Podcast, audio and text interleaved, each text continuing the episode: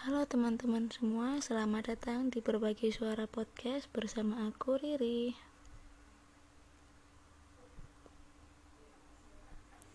Nah, seperti biasa, Berbagi Suara pasti bakalan membahas mengenai sesuatu hal yang insya Allah berguna buat kalian yang dengerin.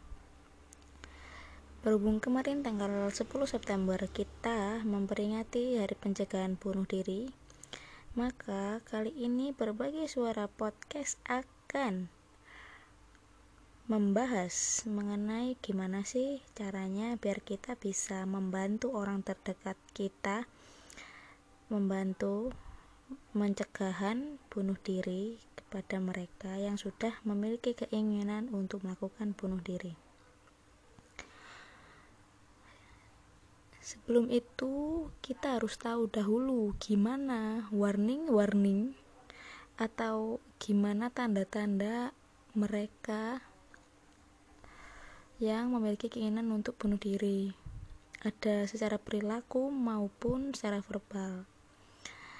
Secara perilaku, biasanya seseorang yang memiliki konflik atau masalah dalam hidupnya itu akan memiliki gangguan ini seperti kes, eh, gangguan tidur, tidur terlalu banyak atau malah terlalu sedikit.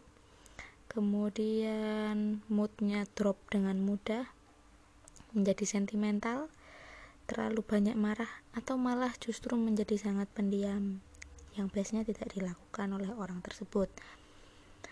Secara verbal, kita bisa memastikan lagi kalau secara verbal ini tandanya biasanya sudah sangat jelas.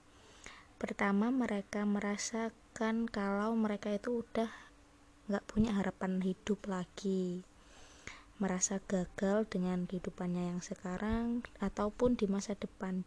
Pokoknya mereka benar-benar merasa kalau mereka itu udah nggak ada harapan lagi lah. Kemudian juga merasa kalau mereka itu menjadi penghalang orang lain untuk berkembang dan yang paling terakhir mereka berbicara kalau mereka mempunyai keinginan untuk bunuh diri. Ada beberapa cara yang bisa kita lakukan untuk membantu mereka.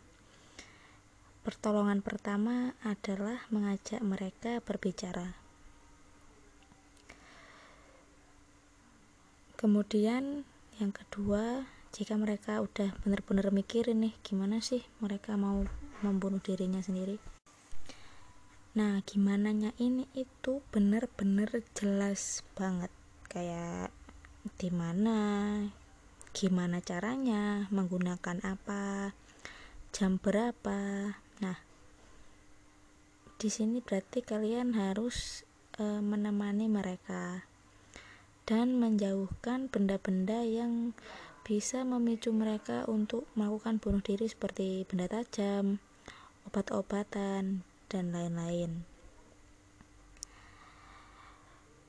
Kemudian untuk berbicara dengan mereka, nah berbicara pun ini ada eh, seninya ya teman-teman, bisa dibilang seni lah ya. Karena kita nggak bisa memperlakukan seorang itu sama semua jadi kita harus memahami gimana sih posisi mereka. Kalau mereka bisa bercerita mengenai masalah yang mereka hadapi justru itu adalah hal yang bagus. Dan tidak semua orang bakal bercerita mengenai masalah yang mereka hadapi. Jadi di sini mungkin kalian bisa mulai membangun trust dulu membangun rasa percaya, membangun kedekatan dengan teman-teman yang atau orang-orang terdekat kalian yang kalian rasa mereka ada nih keinginan untuk melakukan bunuh diri. Nah, gimana sih yang tadi aku bilangin gimana sih cara kita berbicara dengan orang-orang yang sedang mengalami hal tersebut? Jadi yang pertama kalian yang harus diingat ya kalian itu nggak boleh nyamain pikiran kalian sama pikiran mereka. Kalau kalian nyamain masalah yang kalian ceritakan itu seperti pikiran mereka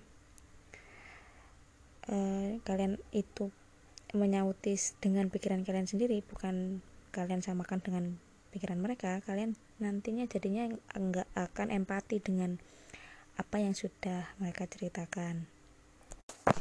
Nah biasanya mereka merasanya jadinya seolah-olah nggak dipedulikan. Sering banget nih terjadi di orang-orang terdekat kita. Biasanya kita cerita terus mereka akhirnya nyautinya menyahutinya itu seperti pikiran mereka sendiri. Jadi enggak uh, tidak sesuai dengan apa yang orang yang bercerita itu bicarakan. Kayak gitu. Jadi justru malah dinasehatin dan lain sebagainya. Kemudian nggak boleh melakukan judgement. Nggak boleh menuntut mereka nggak boleh menjudge men, apa ya kayak memarahi mereka kalau yang mereka pikirkan itu adalah hal yang bodoh atau tindakan yang mereka pikirkan itu adalah hal yang apa ya istilahnya? Aneh gitu men menjudge mereka. Nah itu nggak boleh sama sekali teman-teman. Jadi kita benar-benar harus menjadi pendengar setialah kayak gitu. Jangan buru-buru nuntut mereka untuk cerita. Ya benar-benar jadi pendengar setia lah benar-benar jadi pendengar setia. Tunjukkan kalau kalian itu care sama mereka. Tunjukkan kalau kalian itu ingin membantu mereka jadi kalian bisa mulai dengan bilang aku di sini buat kamu aku selalu ada di sini untuk dengerin kamu. Uh, dan kalian nggak bisa maksa mereka untuk cerita ya harus diinget banget ini nggak boleh. Sampai dia menceritakan masalah itu secara terpaksa kemudian setelah dia cerita eh justru kalian yang menanggapinya dengan kalimat-kalimat yang bikin dia sakit hati kalau kalian ingin hibur mereka atau kalian ingin menghibur mereka yang merasakan itu yang merasakan keinginan untuk bunuh diri kalian mungkin bisa bilang kita lagi sama-sama kok kita pasti bisa menemukan jalan keluarnya bersama-sama. Kita nggak usah terburu-buru. Kamu cerita itu aku sudah senang. Makasih sudah mempercayakan cerita itu padaku seperti itu teman-teman. Jadi kita nggak bisa ya uh, menuntut seseorang yang berpikiran seperti itu itu seperti apa yang kita inginkan. Nah memang semua orang punya masalah tapi kalian nggak bisa menyamakan semua orang akan menghadapi masalah itu dengan cara yang sama. Dan tidak semua pikiran seseorang caranya untuk menyelesaikan masalah itu sama. Walaupun tujuannya itu hal yang sama misalkan naik gunung nih tapi jalur yang ditempuh seseorang itu kan beda-beda ya sama kayak pikiran kita. Jadi kita sama orang lain itu pasti memikirkan hal yang berbeda jadi kita nggak boleh menuntut mereka seperti apa yang kita inginkan. Kayak misal kita nyuruh ya udah kamu ber banyak berdoa aja biar nggak mikirin kayak gitu. Atau justru malah mencela mereka kalau kamu tuh ya nggak percaya sama Tuhan ya. Kamu tuh malah kayak gini emang kamu nggak pernah sholat dan lain sebagainya. Nah itu akan malah membuat hati mereka sakit hati. Atau kalian justru bilang semua orang itu punya masalah nggak cuman kamu aja. Kok kamu bisa mikir kayak gitulah? Itu juga hal yang salah untuk dikatakan jadi kita harus benar-benar menunjukkan rasa percaya kita menunjukkan rasa peduli kita. Kita bilang kalau I'm here for you. Kita bilang kalau kita cemas kepada mereka. Kita ingin membantu. Nah pelan-pelan nanti kalian bisa mengarahkan mereka kepada orang-orang yang lebih uh, profesional untuk membantu mereka.